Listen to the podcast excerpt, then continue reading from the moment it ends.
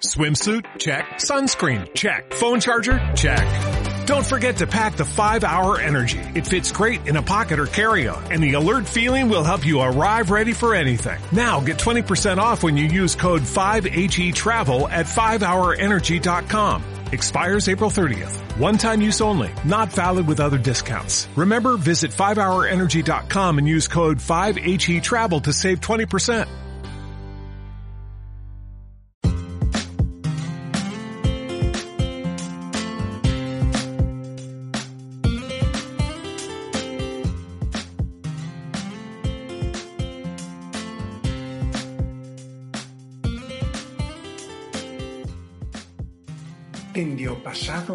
ata o presente, para xente de aquí e de acolá.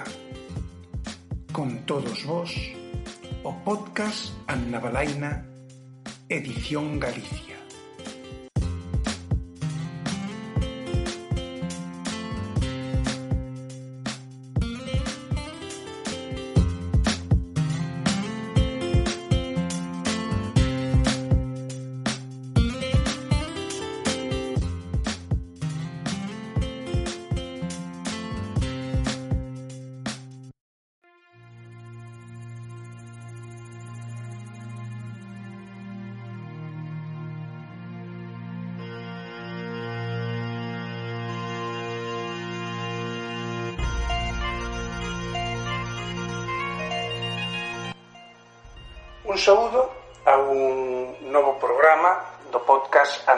magna Edición Galicia.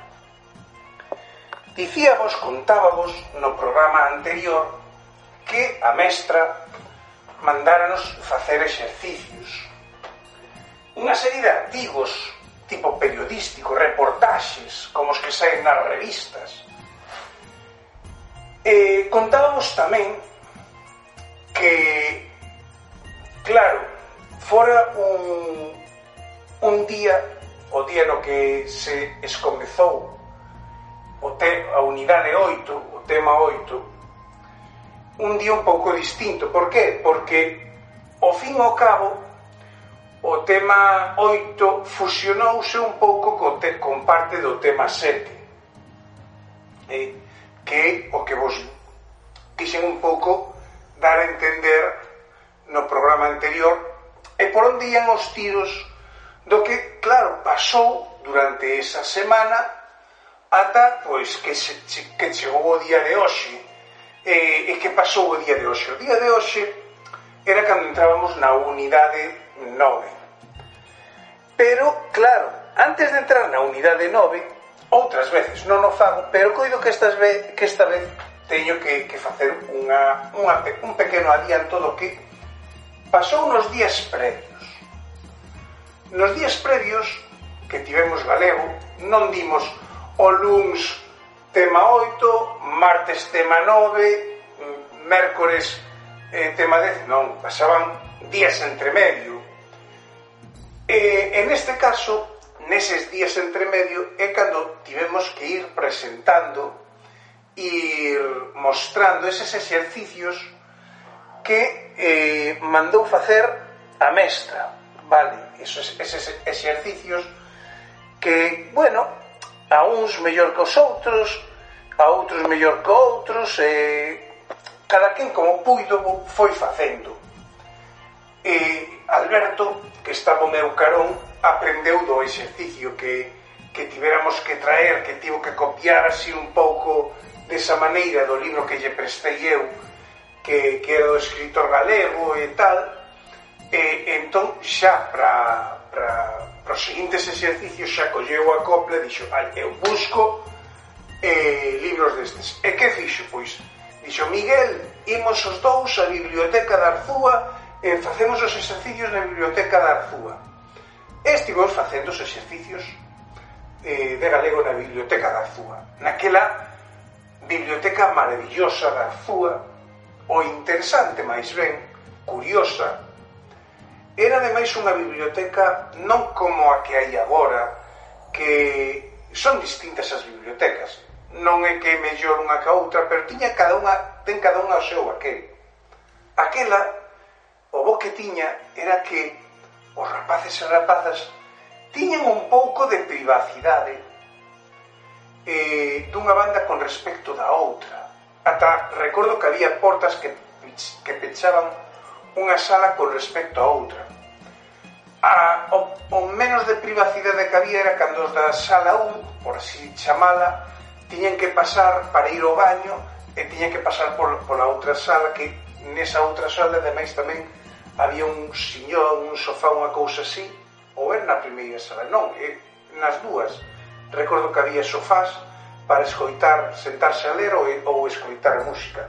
E agora na biblioteca actual non hai sofás, non hai sillóns deses cómodos para para sentarse a ler. O caso é que nesa privacidade que nos daba eh, ese sitio, ese espacio, pois íamos nós buscando eses libros que precisábamos para facer eses traballos.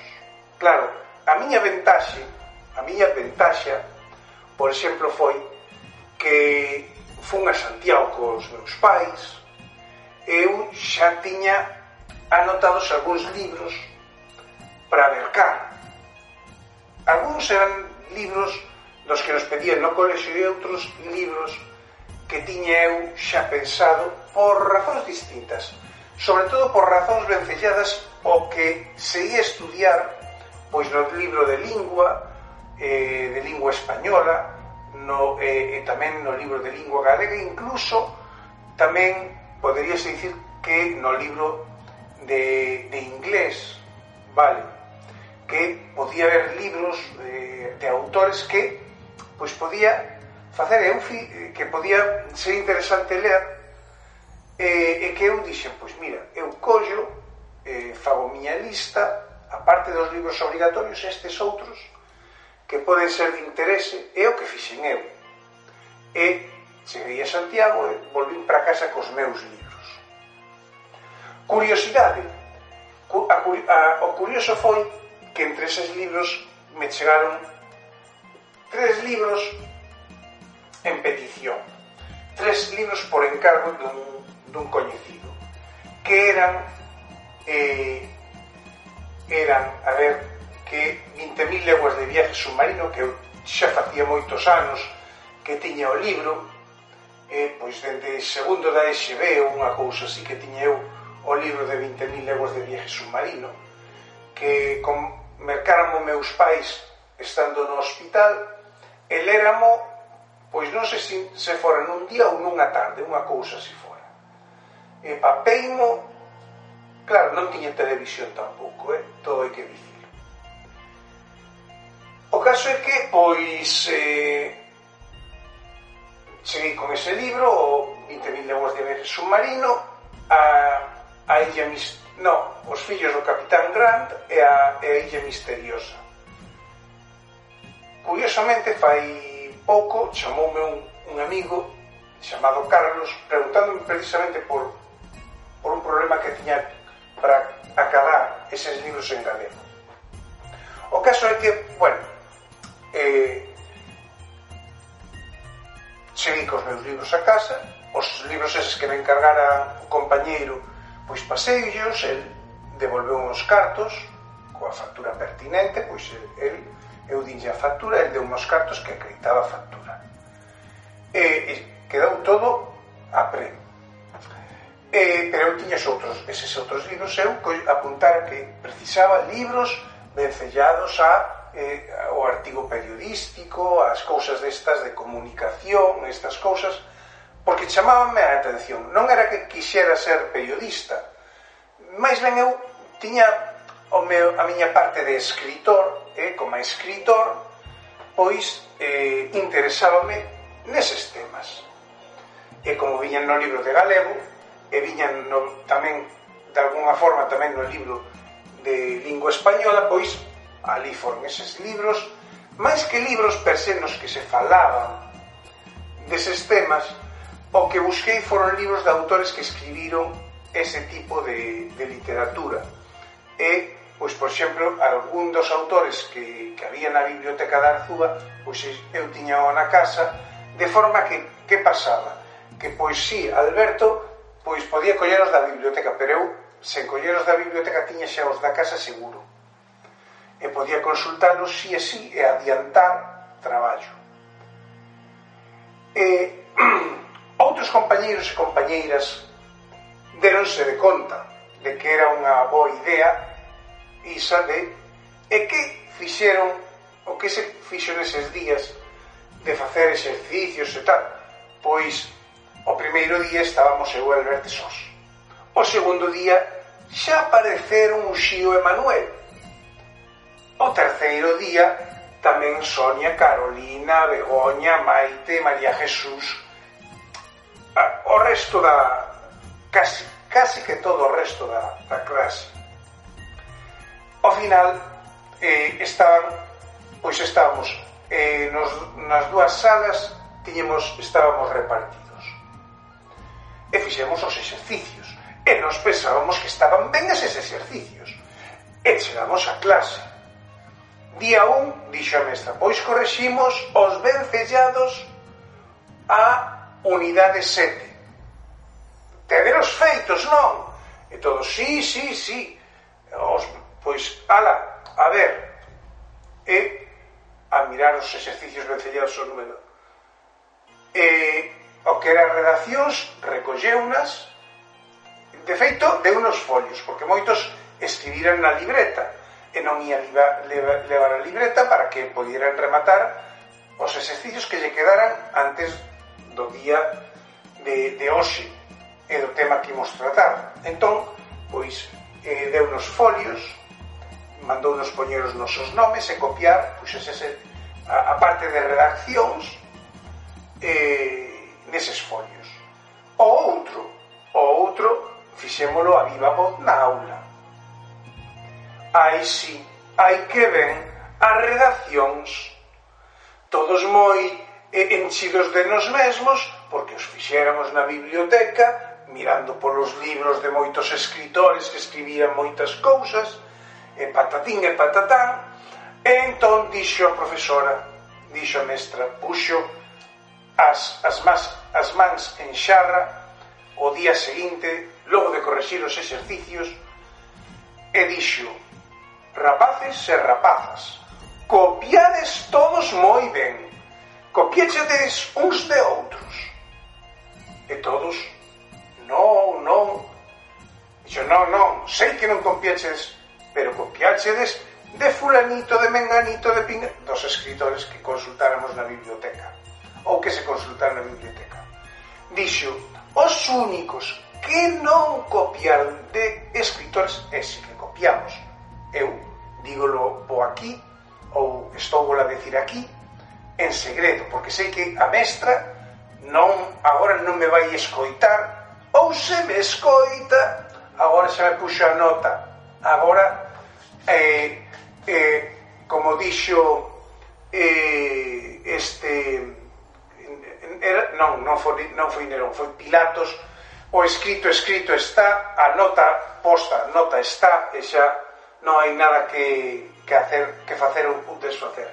A cousa é que, claro, empezou a decir un montón de autores por qué, que pasou.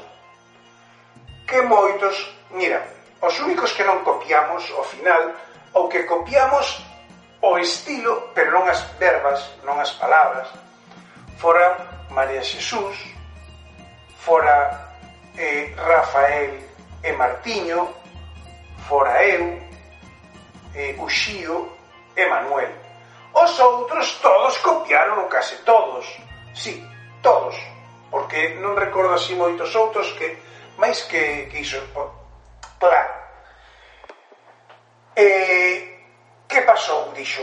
Pois como estivechedes tan ben copiando, pois hoxe teredes que facer vos os exercicios de redacción só vos os exercicios de redacción da unidade 9.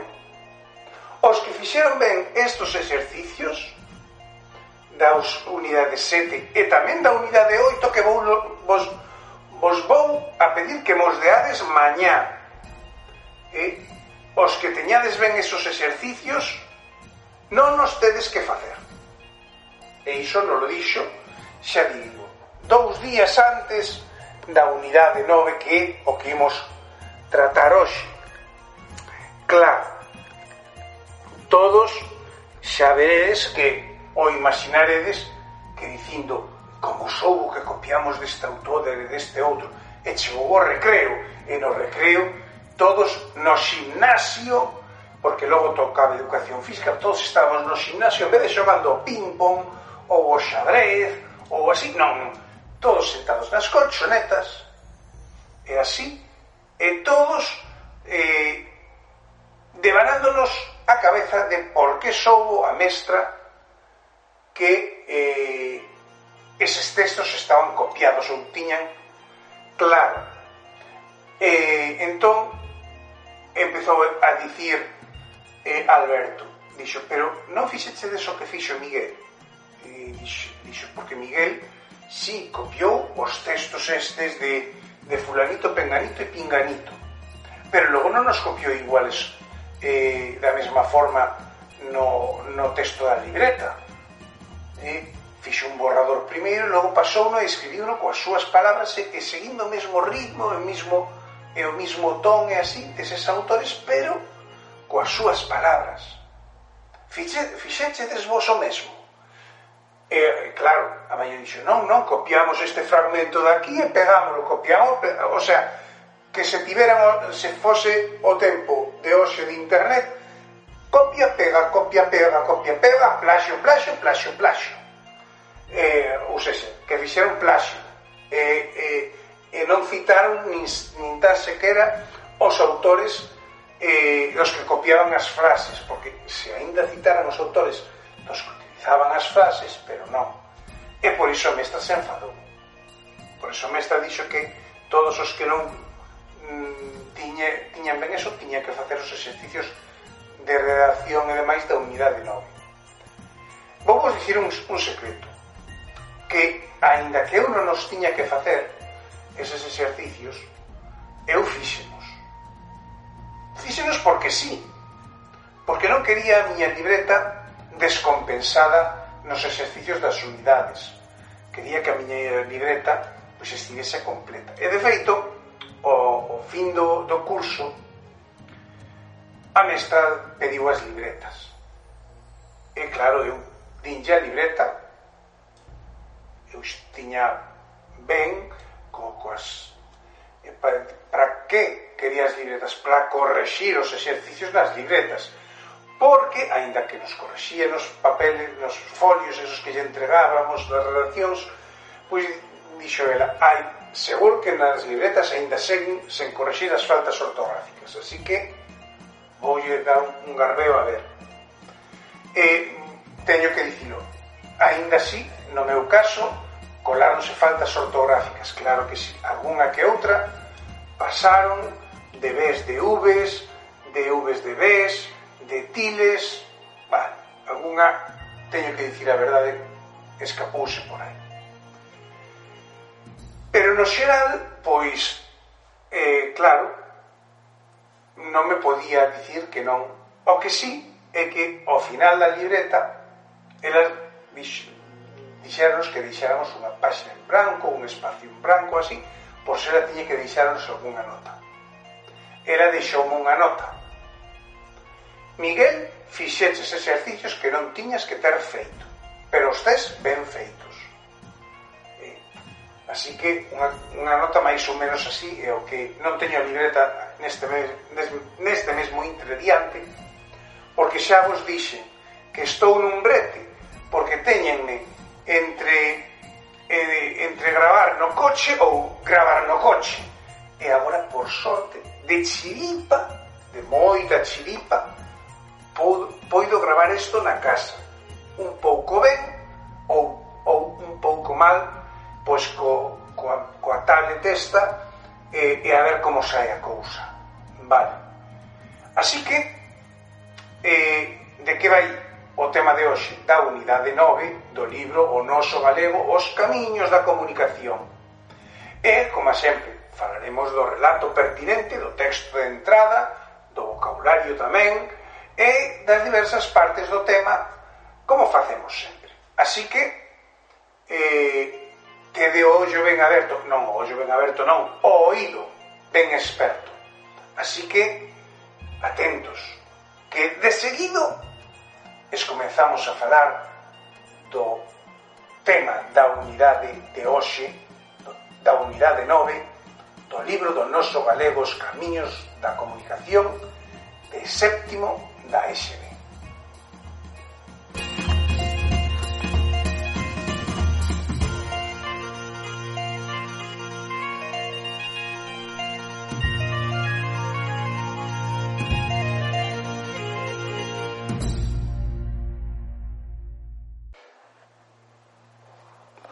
Pois ben, logo de co, do que vos contei na presentación, que, que foi un pouco pouco o resumo do que foi pasando, esa corrección, ese facer os exercicios, esa corrección dos mesmos. E non nos saíron a todos igual, eh? houbo algúns suspensos, outros aprobados, e, e logo os que suspenderon tiveron que refacelos, correxindo aquelas cousas nas que fallaran e estas cousas. Eu non recordo se aprobei ou suspendín o exercicio, se me foran ben ou mal, non teño recordo, pero se recordo que, que se fixera a cousa así. E con todo iso, chegou o tema 9, que viña por unha cousa moi petulante, que dicía a nosa arquitectura. En realidade, eh, ese título era o título dun dunha serie de textos, dous textos en concreto, un de Ángel Fole, de Terra Brava, titulado A Casa de Grandal, e outro de Eduardo Moreira, que do libro Primavera, Primavera no, Primavera no Lor, eh, titulado O Casal de Ibedo. E tiñemos esos, esas, esos dous textos para ler e elémolos vou ler un pouco eh, vou ler os dous porque non son moi longos. O primeiro deles a casa de Grandal de Ángel Fole de Terra Brava. A casa de Grandal era antiga e grande. Se non mentía o letreiro que estaba en riba da porta en letras e números encarnados fora feita en 1820 poucos anos despois de pasar os franceses polo lugar.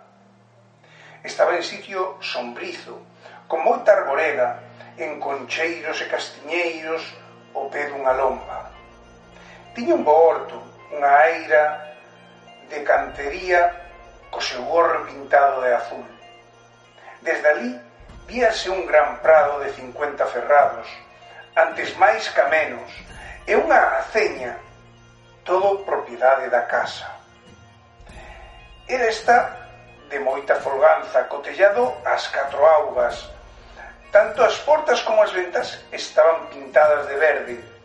E logo tiña unha gran solaina de pedra, arrimada á casa. Pola banda do norte había unha palleira e unha gran pendella, sempre chea de estume, de rigallos e rachos. Por certo que na portada da pendella había unha cruz pintada de negro, quizás para, esco, quizás para escorrentar as meigas. Sacábase por ali o esterco. A casa estaba isolada. A máis achegada a ela, non lle chegaría un tiro de escopeta. As cortes e a cociña estaban no piso de embanxo. Esta cociña chamaríamoslle hoxe moi típica daban a elas manxone, as manxadoiras as co, das cortes. A lareira era baixa, unha gran cheminea de campota e deus escanos polas dúas mans. E logo Caínzo, coas súas varas cheas de sempre, coas súas varas, perdón, cheas sempre de sarrio. Ali pasaba horas e horas o, se, o señor Xermán, a beira do lume, despois de irse todos para a cama e bebendo, si escaso, unha cunca de viño quente con azúcar. Sei que moitas veces dicía teño que queuntarme por fora e por dentro para poder botar esta friaxe dos osos. E logo o guindal coa gramalleira e o caldeiro de cobre para cocer o manturrio dos porcos. A porta da cociña daba un andamio moi amplo e de ali arrincaba a escaleira do piso. A escaleira é moi escura e tiña todos os chanzos de pedra. Cando chegamos a casa, estaban na cociña todas as persoas da familia do señor Xermán, é dicir, a Faísca, o Sarillo e os seus nenos, e tamén algunhas veciñas e veciños. Nunha mesa había un xarrote de viño e algunhas cuncas de barro estaban sentados, quentándose o lume. Outro texto era, como dixen, o de, o de Eduardo Moreira en primavera no Fol. Titulábase e titúlase O Casal de Ibedo e dicía o seguinte, como sei, O casal arrangue un conxunto homoxéneo de casa grande, capela, cortes e sequeiro, dispostos alrededor dunha praza cadrada, un pendello, un pendello de grosas columnas redondas de pedra protexe o carro. Preto do casal hai unha torre isolada cun ventanuxo alongado e tellado de lousa e máis bella que as outras construccións. Detrás da casa espállanse hortos e prados, seguindo a encosta ata o río. Abaixo, na liña que corta a pradeira, a pradería, chopos, negrillos, amieiros trenzan unha cortinaxe verdecente que tapa a vista dos montes fronteiros, dos que só se ven os cuños. O río fai un ángulo aberto e flúe ali manseniño, ensoñiñado, canso de rillar nos penedos. Preto da ponte das tábuas, de tabuas Hai unha fonte que dá auga fría no verán e quente no inverno. Nos días frientos van ali lavar a roupa as mulleres da casa e xogar os nenos. Pois sí, e estes eran os textos. E cos textos, por, por suposto, o vocabulario. O, o vocabulario que xa viña no libro era concheiros, que eran as Oreiras, a Aceña, viño de Auga, Forganza, vendella, Reigaños, Rachos, Caínzo, Sarrio, Guindal, Gramalleira, Casals, Queiro, vale? E non vou dicir todas as definicións, pero claro, e dixo a mestra, a ver, cales son as palabras que, que a maior parte de vos non coñece a parte destas que veñen aquí no vocabulario. Entón, fixemos unha lista de palabras que non sabíamos, que non coñecíamos, que non nos soaban. E que saíron, que palabras saíron máis? Lomba, Solaima, Aira e Manxudoiros. Claro, que eran esas cousas. Entón a mestra dixo, pois apuntade, porque parecía como se a mestra xa houvese mirado os textos e xa tivese visto que estas verbas, estas palabras, eran as que ian sair. E dixo, a lomba é un montículo. Solaima, primeir, solaima, solaina, perdón, primeira pedra do, da entrada dun forno. Aira, estrume. Manxudoiras, o Manxudoiros en ser. E así quedou a cousa, pois non. Coma sempre os exercicios de comprensión do texto. Vale. E eran catro, catro, catro, só catro. O primeiro sobre a casa de Grandal, eh, que dicía que fora feita no moi 1820, e ao respecto aparecían tres preguntas. A segunda, vencellada tamén o texto de Fole, era no piso de embaixo estaban as cortes e a cociña. Que valor tiña a cociña para a vida familiar dos da casa? Por que di Ángel Fole que a esa cociña podíase lle, podíase lle chamar hoxe moi típica? Por outra banda, os dous seguintes, os dous últimos, eran vencellados o texto de Eduardo Moreiras, e o terceiro, Eduardo Moreiras fálanos do casal de Ibedo. Que construccións habrán en este casal? Como están dispostas entre sí? Logo, a segunda era, os eidos do Ibedo están por detrás da casa, ata o río. Que terreo hai? Que clases de árboles? Como vai por ali o río? Onde estaba a fonte? Que van ali as muller, a que van ali as mulleres e os nenos? Vale? Logo aparecen pois, unha, unhas, uns debuxos de perspectiva e planos dunha vivenda, con corredor e escaleira exterior e unhas ilustracións feitas por Pedro de Llano. Claro, eh, quedaba unha cousa, pois a parte de para falardes na clase. E de que se trataba? Pois, dicía, imos falar das, clasas, das casas da nosa localidade como son, de que materiais están construídas, como están distribuídas por dentro, resultan cómodas. Logo, as casas da vida non son iguais as da cidade, nin as da beira mar, as do interior, nin as de agora, as de hai tempo.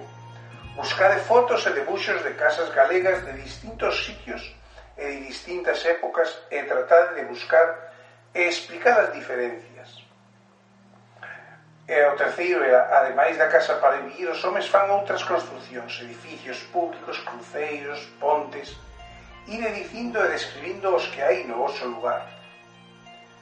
Algún de vos, era o exercicio 4, algúns, algún de vos contadelle a clase algunha viaxe que, fixeste, que fixestes explicando e describindo as edificacións que máis vos chamaron a atención. Claro, os tres primeiros máis ou menos fórose facendo segundo cada quen deu. E eu, por exemplo, fixen un pouco unha montaxe de edificios que eu vira e, e aínda hoxe algúns están en pé e, pois en Irixoa dos que vira pois onda casa de meus avós aquí en Baltar e claro que sí dos que vira na quina contorna da arzúa. Vale.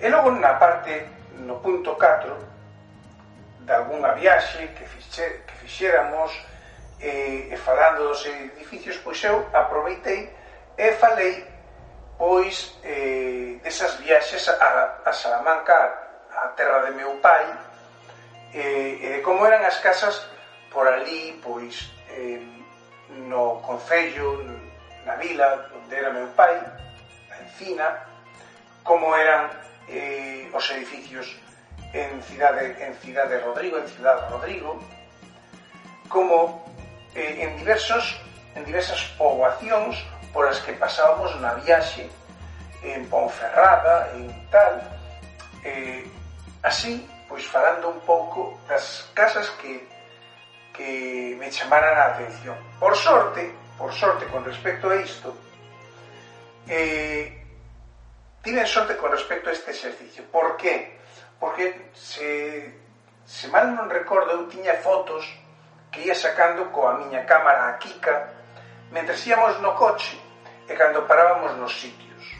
Entón, fotografía de, de, do edificio este porque me gustaba da, do, da catedral de non sei que, da igrexa de non sei cantos, Claro, o que vía eu non so paisaxes, porque eh, ás veces dicía meu pai, deixa de sacar tantas fotos sen sentido.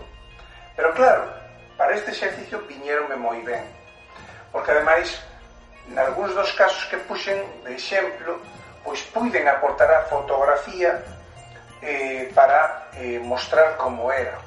Vale, que era outra das cousas que pediu a mestra encarecidamente que eh, se vixera que se era posible se trouxese algunha fotografía dese tipo de vivenda. Eu, pois, a última tamén da que falara era da, da casa da miña boa e da casa da miña tía, ali, da, da miña tía, ali en, en Encina. E tamén algunha das outras casas que había. Miña parte, traballo escrito e investigación. E o primeiro que dixo a mestra. Lede os refráns que veñen no lateral e todos eh, refráns, ninguén nace aprendido, cada roca o seu fuso, cada terra o seu uso. E o que ten tenda, que lle atenda, e senón que a venda. E así andivemos co, co refráns. O traballo escrito era eh, a xente, primeiro era a xente cambia de cidade, de aldea, de casa. Hai nun sitio unha casa moi bella na que viviron moitas familias. As paredes o den conta o que saben. Eh? Entón, pois, era un pouco contar a historia da casa. Logo, eh, pon, queres vender a túa casa? Fai un anuncio chamativo para poñer nun xornal. Eu, aí, aí que non puiden facer gran cousa. Seume rematadamente mal. Por que? porque non tiña casa, vivía nun piso. E, claro, non... E ademais o piso no que vivía non se podía vender. O terceiro, seguramente coñecedes algún igrexa, algún cruceiro ou algunha ponte que teña a súa historia ou lenda. Escribe. Ese sí que me saiu ben. Saiume moi ben. Vale, porque ademais conseguín eh, crear un texto propio. Eso foi eh, o que arrasou eh, teño que buscar o texto para lérgolo un día destes.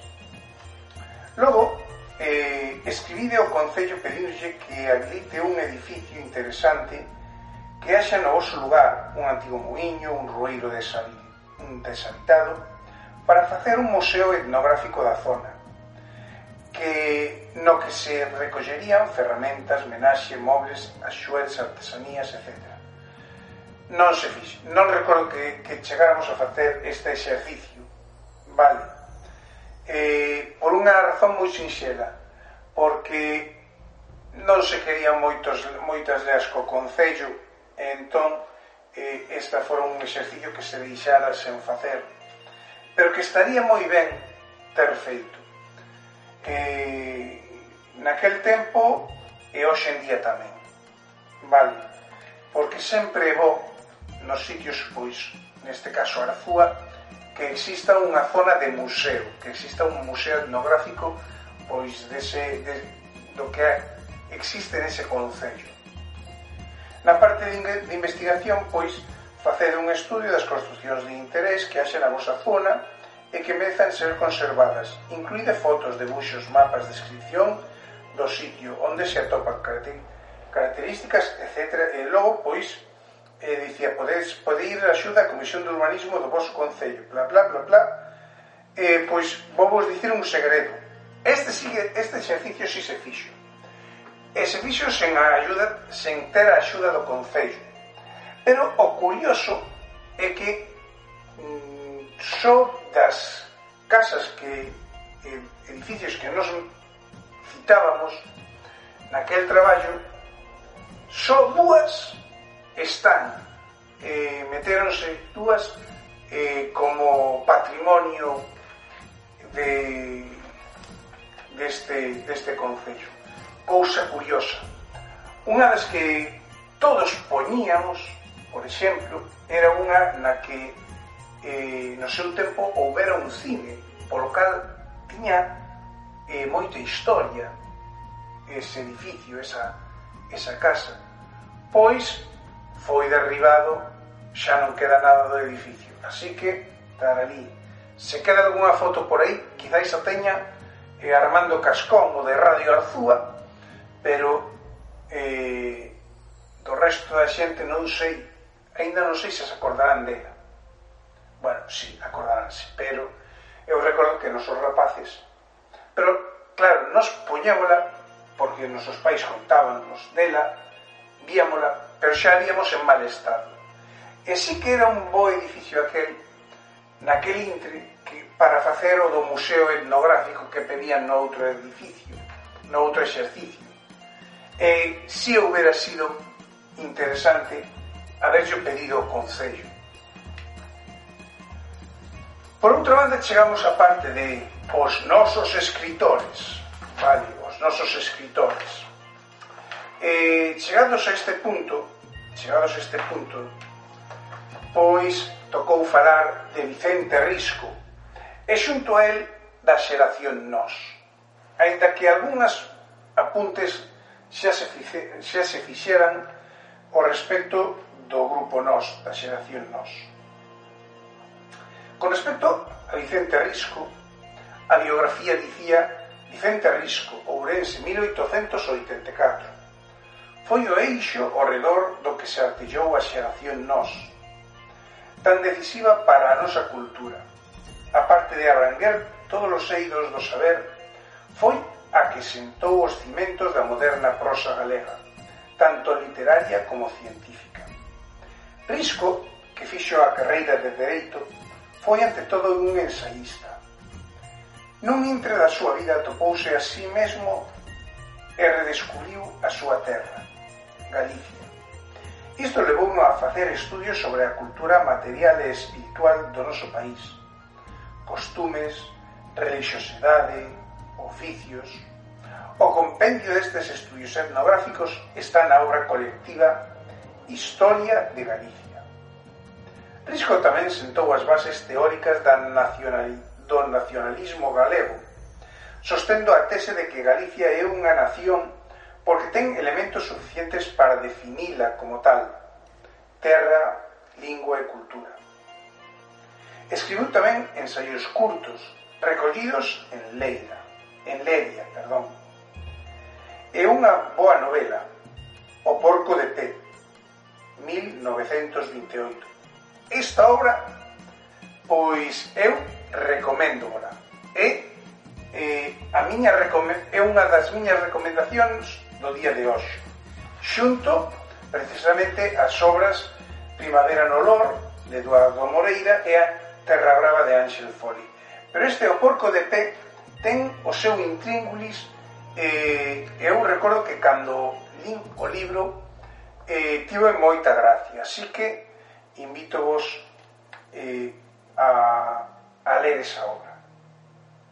Risco, despois da Guerra Civil, Viviu uns anos amargos, cheos de soidade, afastado da cultura e do pensamento galego. Finou en Ourense no ano 1963 e os seus restos están en Adal.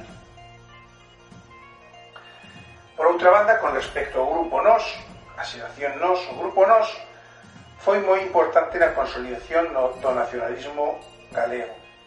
Agrupaba dentro de si a uns intelectuais ourensáns que na súa fuxir do vulgar e abrirse ao coñecemento de todas as culturas do mundo, atopan ao final en Galicia o tema fundamental da súa obra e o eixo cultural das súas vidas. Fundaron a revista Nós, publicación mensual da cultura galega. Durou de 1920 a 1935 estaba aberta a todos os temas culturais da época. Esta revista serviu para dar un pulo decisivo á nosa cultura, a cultura galega. E, con respecto, mm, como exemplo, dos, das obras de Risco, pois o que aparecía aquí era un texto titulado Da medida das cousas, eh, que era dese eh, ensaio titulado Leria Vale.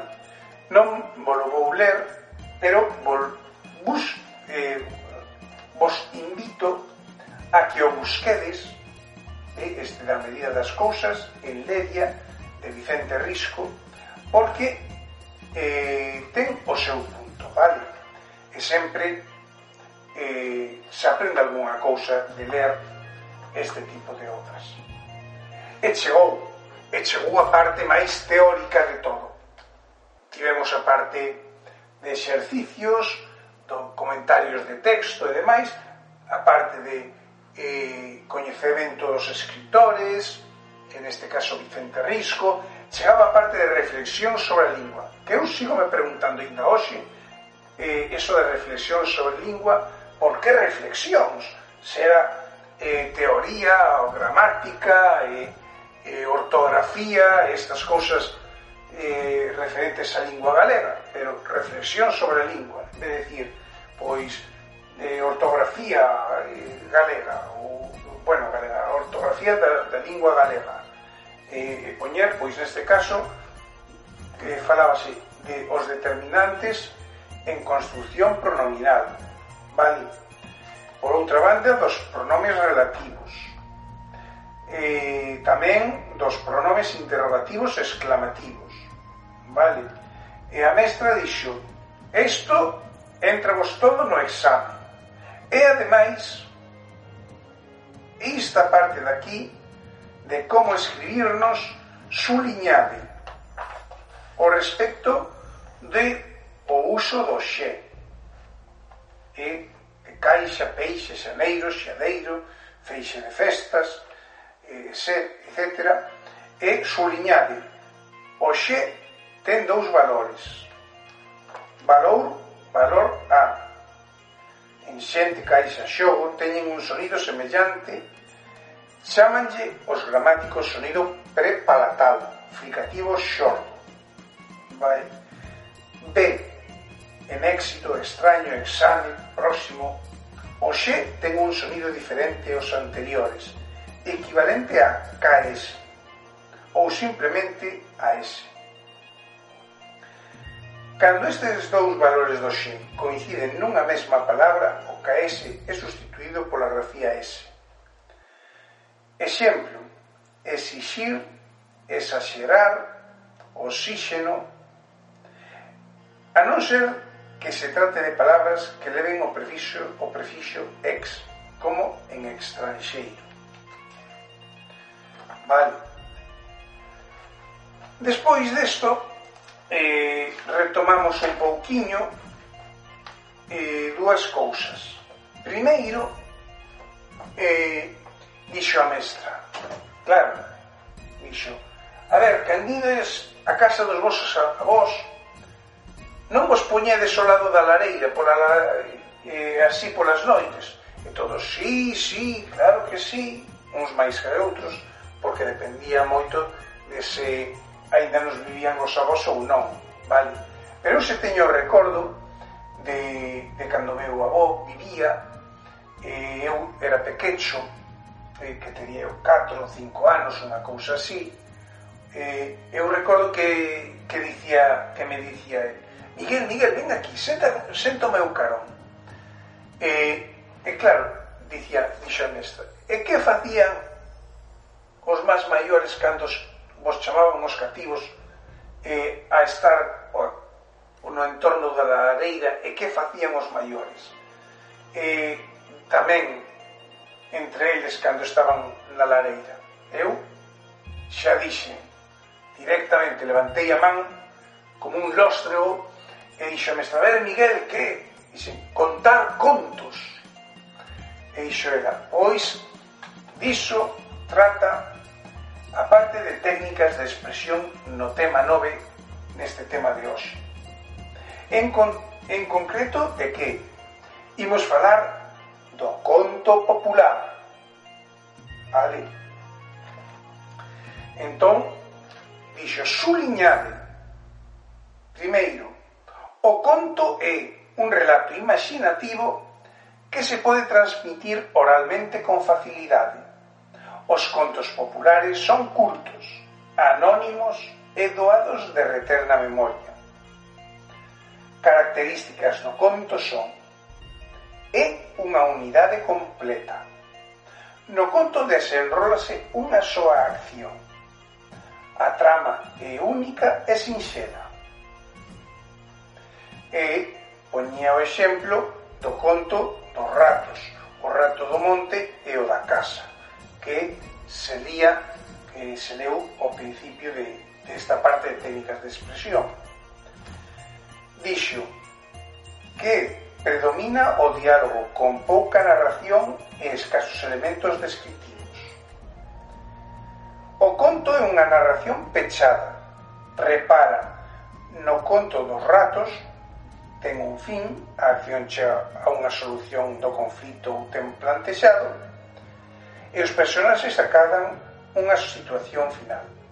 Os contos, e dixo isto moi, moi, moi importante, os contos poden ser fantásticos, realistas, infantís, costumistas, satíricos, satíricos, perdón, humorísticos, históricos, etc. Segundo sexa o seu contido ou o fin que se pretende e dixo Ben, xa tedes claro que é un conto, verdade? E todos, sí, sí, sí, sí. Eu recordei entón o libro Xente daqui e da Colá de Álvaro Cunqueiro de que, do que xa falei aquí no, no podcast na Edición Galicia polo menos 50 veces. Recomendo que o lexa, que, lo, que o leades, vale? Que a nivel de contos está moi ben Pero non é o único, vale? Hai outros autores que tamén escribiron moitos relatos e contos. E sacudides a biblioteca máis cercana e preguntadeslle ao bibliotecario, este empezará a dicirvos diversos autores galegos que escribiron contos. Vale. Pois, dixo a mestra, exercicio agora con estas características que acabas de ver, xa podes inventarte un conto de tema sinxelo do que se poida tirar se poida tirar unha ensinanza. Eu, claro, eu que xa lera moito por moitos contos, pois a campá, a vendedora de fósforos, o príncipe azul, e eses forma xeral dende que era pequeniño, pequeniño, pequeniño que aínda eh, o, o máis que facía era morder os libros que pillaba que, coa man e, e así, pois eh, tendo en conta iso tendo en, en, en conta que xa lera os textos de Moratinos, de Samaniego e por suposto os de eh, Hans Christian Andersen e os irmáns Grimm vale, todos eses contos recomendos recomendo vos ler as obras vencillas a todo iso que vos acabo de dicir, coido que ademais fixen un programa no podcast na Bereida Xeral vencellados contos infan, infantís, así que buscadeo tamén. Pois, eh, obviamente, eu escribín eh, o conto que me tocou, eh, seume bastante ben, claro, eu unha das cousas que quería ser entón era escritor, así que esforzábame. Total, para que? Non sei para que ao final de escritor non me vexo moito, pero alguna, alguna cousiña é escrito e alguna que cousiña publiquei por aí. Claro, a mestra dixo, mañá temos que falar, porque claro, tocou a campa moi rápido, ou fomos nos moi lentos. Dixo, mañá falamos do que nos queda, que é eh, da sección de os medios de comunicación é falar de que? E todos de que? que eh, as revistas juvenis E todos as revistas juvenis e todo, pois claro, as revistas... O primeiro que, que nos dixo, dixo, deixino para o final, isto non quixen metelo antes, eh, por unha razón moi sinxela. Porque quero que o leades esta sección na casa antes de que chegue eu aquí a facer explicación é que cada un de vós traeades tres exemplos de eh, revistas juvenís. A ver se acertades do que se está a falar aquí. E eu logo vos explicarei. Vos, vos explicarei. Entón, todos saímos da aula porque tocou o timbre, Bueno, non saímos da aula, porque logo tocaba, eh, non sei se era inglés ou matemáticas. Non, tocaba historia con Doña Celia. Dende aquí un saludo a, a Doña Celia. Ainda a vez, as veces vexo a pasear por aquí, por, por Arzúa. Eh, tocábanos historia, sí, sí, e, ou sociais. Mais ben, eh, cre, creo recordar que era eh, sociais, e dentro de sociais estaba historia E, claro, chego, cheguei a casa, como os meus compañeiros, e lin revistas xuvenís entre todas as revistas existentes hai algunhas que están dirixidas especificamente a vos, rapaces e rapaces e rapazas. Son as revistas xuvenís E dirixen un público concreto, utilizan unha linguaxe distinta, de, bueno, entón, vin que poñía aquí os vosos cómics e eu dixen, esta é a miña o que, o que se trate de cómics e xa está. Entón eu nin corto nin perezoso claro, non tiña en galego. Vale, non tiña publicacións destas en galego pero tiña o de DT a de Bruguera fuera, ver, fuera borda e, e algúns outros máis. Eu dixen, esta é a miña collín eh, tres deles, en concreto super, un de superhumor, un de DT e o fuera borda de Marras. Porque ademais viña, viña os contos de Marsupilán e estas cousas, e dixen, nada, isto, vense para cá. E, claro, chegou o día seguinte, eu todo convencido que fixera todo moi ben, moi ben, moi ben. Pero, E, claro, a mestra foi pasando polas mesas, algúns non tiñan nada porque non sabían exactamente a que se refería, pero entón a mestra eh, volveu, volveu a empezar, volveu a decir, a ver, que, pon, que poñía aquí eh, no libro? Eh, revistas juveniles. A quen se dirixen esta, estas revistas? Pois eh, dicían, pois sí, os adolescentes, os que... Vale, moi ben. Que fan? Teñen unha linguaxe distinta. Eh, creada especificamente para un sector de lectores moi concreto. Ou seja, a xente da vosa idade. Un señor de 90 anos non vai mercar revistas juvenis. Ainda que eu digo que non estaría mal, pero a mesa dixo que non era o normal, non era o normal. Salvo que lle fora a comprar aguas ou fora lle comprar os seus netos ou as súas netas. Dicían, teñen unha publicidade selectiva. Os temas que tratan son teóricamente juvenís. Case sempre están tratados moi por riba dun xeito pouco creativo. Eh, claro, dixo, agora imos ver esas exemplares que trouxeches. E eu fallei co superhumor e fallei co DDT. Vale. Pero, pero, co, co fuera borda, ainda que estaba en castelán, non fallei tanto. Por qué?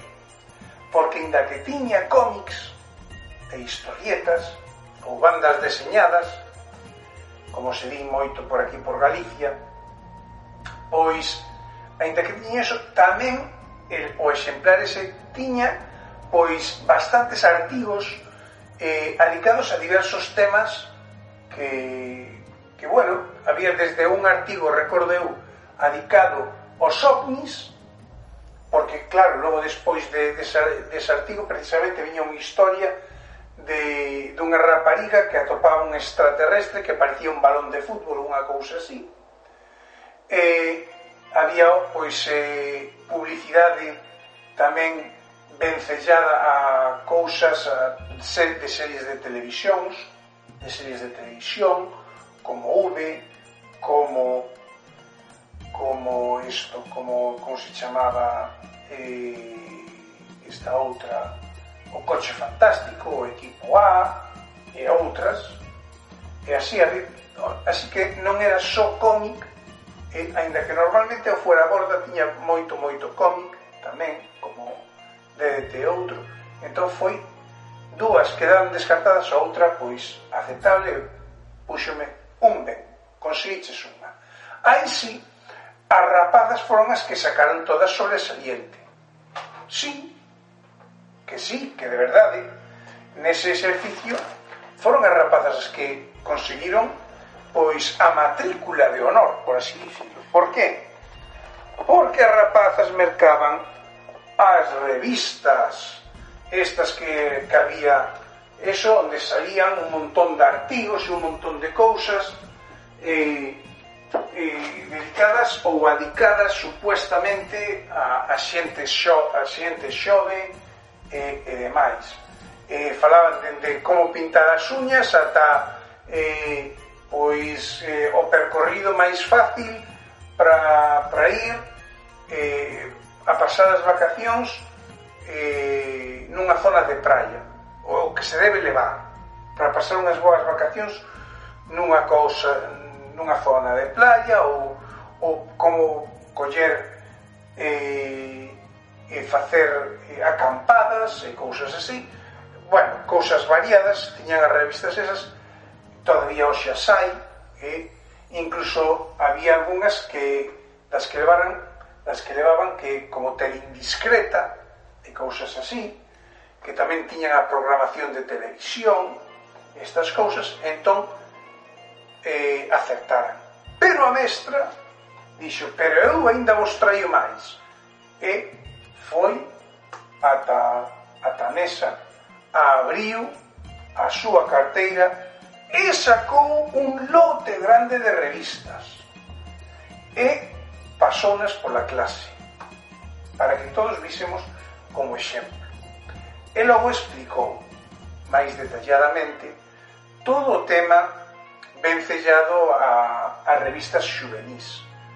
Por que utilizaban a linguaxe que usaban, Por que por que eran capaces tamén de chegar con facilidade a nós? Estivo explicándonos, de feito, moitas cois, cousas, perdón, que estou un pouco...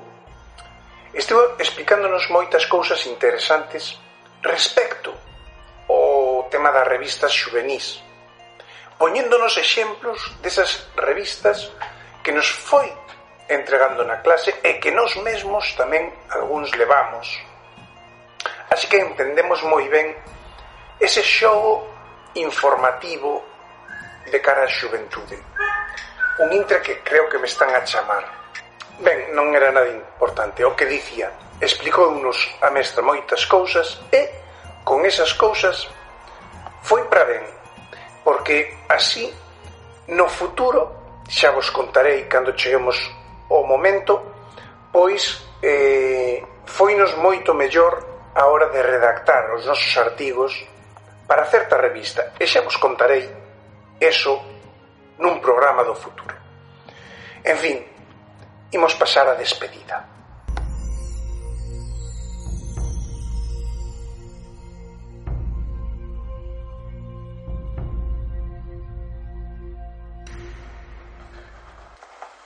Coido, amigos ointes, que con isto, que con isto xa rematamos a unidade 9. Mais, eh, desta banda, a mestra, por rematar a unidade 9, díxonos Rapaces e rapazas, hoxe imos ver unha película na biblioteca da na biblioteca do colexio. E entón Alafrús a biblioteca do colexio e cada quen dixo levad as vosas libretas porque imos ver unha película e tedes que anotar as cousas que vos interesen desa película e, e a película que nos puxo era unha versión animada eh, de un ollo de vidro que eh, ainda estou hoxe a buscar esa, esa, esa película por aí para ver e para poñer no clube de lectura porque penso que, que é unha cousa que, que ás veces tense que facer nos clubes de lectura. Animar a lectura dos libros a través de, de películas, de filmes. Eh, e deste xeito tamén quero dicir que comentábanme esta mesma mañá que había unha película moi interesante, moi bonita, que houve que xa viu desa película algunhas cousiñas ou a película inteira, non sei exactamente. Pero estes meus amigos e estes meus coñecidos que xa viron a película e que xa saben que é moi bonita díxome, mira, esta película eh, está nominada aos premios Mestre Mateo deste, deste ano polo tanto tes que vela, Miguel, tes que vela porque demais ti como guionista bueno, pois eh, a ver eh, tratarei de ver a película esa de O Home do Can de feito eh, coñezo un dos actores vale? Tive en contacto con, con el recentemente eh, por un curso no que coincidimos Mas eu penso que que unha película, un filme non se debe ver porque eh, o director sexa un director moi galardonado. Nin porque, nin porque o gal, guionista desa película sea moi galardonado. Senón pola historia e a forma de contar esa historia no filme. Iso é o importante. E por iso eu vou ir, cando mm, me coincida, a ver esa película, O Home do Can. Porque penso que, polo que viña un trailer, pode ser unha película interesante. Con todo, como dixen, a película que actualmente está me interesar máis era esa que que esa versión eh, de animación de, de, un ollo, de un ollo de vidro. Eh, e cando atope esa película, a verdade, pois vou eh, saltar con, con gozo e ledicia eh, non, non ven aí que eu esperaba. Así que, eh, non, é que estou a esperar porque ten que vir por aquí en Lorena a, para traerme eh, uns libros para que vos recomende no próximo programa do podcast Anabalaina Edición Galicia. Si, si, uns libros moi, moi, moi interesantes, pero quero falar deles tendoos aquí, na man. Eh, porque ademais coinciden moi ben co que vai vir eh, no tema no tema 10 que no tema 10 eh, tocas, toca un, es comenzar cun texto de Silvio Santiago titulado Joan Tallón. Así que eh, os que eh, que irades buscar ese texto pois xa sabedes. Ah, que non sabedes onde está. Está no libro eh, Vilar de Vos vale? de Silvio Santiago. Así que se tedes a oportunidade eh, pois buscade, buscadeo que, que está moi ben. E, e tamén outra cousa máis, que eh, decíanme de, de un libro que se podía recomendar algún libro de eso. Pois, eh, hoxe vou recomendar o libro a ver se algún de vos sabe quen é o autor e eu non vos lo vou dicir o título é Arredor de si. Vale? Ese é o, o libro co que rematamos, co que despedimos como a recomendación este programa de, da unidade 9 do libro do noso Galegos Camiños da Comunicación. Aquí vos espero no próximo programa do podcast Anabalaina Edición Galicia.